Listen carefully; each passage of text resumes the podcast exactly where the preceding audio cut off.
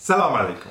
هذا الكتاب هو Stock for Investing for Dummies الاستثمار للأغبياء.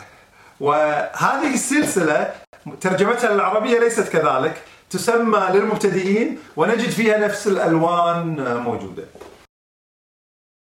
إذا كنت تقوم ببيع منتج اونلاين ولا تعرف التعامل مع وسائل التواصل الاجتماعي ولا تحقق ازدهار ابحث عن هذه السلسلة المختصة في وسائل التواصل الاجتماعي.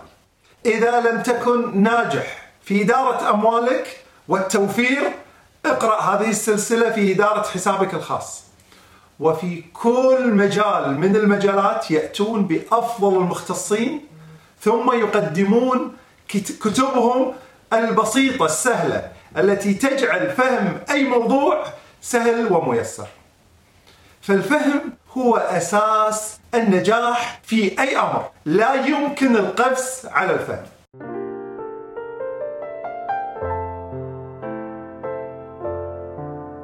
عندي ولد حينما كان صغير كان كنت أعاني دائما من وجود أخطاء لديه متكررة.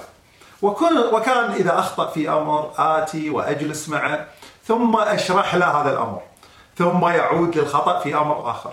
فتعبت من تكرار الشرح لمواضيع متكررة. ثم عرفت السبب. أنه يفهم بالتقريب. هو لا يدخل في تفاصيل أي موضوع. وحينما أحدثه هو يلتقط العنوان ولا يكمل فهم باقي طلبي له. وبالتالي يخطئ في التنفيذ. وكذلك هي الحياة. لا يمكن الفهم بالتقريب ولا يمكن الفهم بالحروة. علينا أن نفهم فهم عميق لأي أمر نقوم فيه.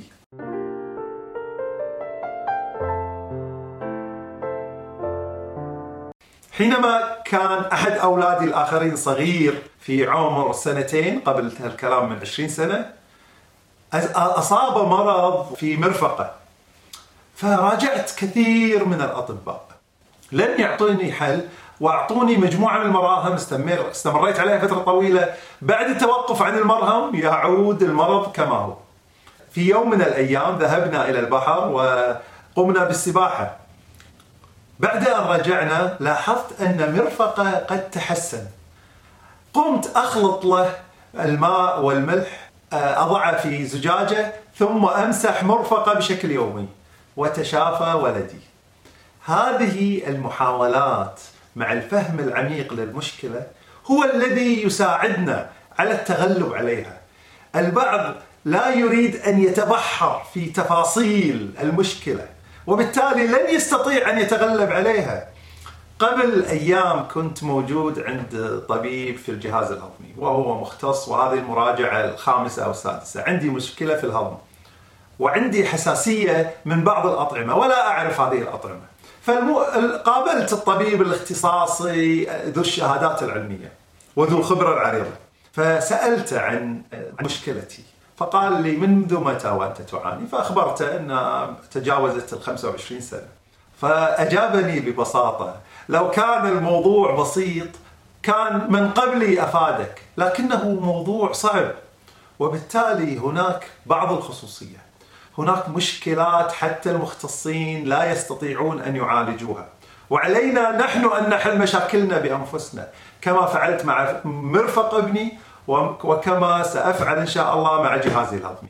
هذه الخصوصية تتطلب منا القراءة كما تحدثنا في الحلقة السابقة وتتطلب منا المحاولة مع تطوير الفهم وتطوير التنفيذ. نلتقيكم مع سلسلة أسرار النجاح إن شاء الله في الثلاثاء القادم. السلام عليكم ورحمة الله.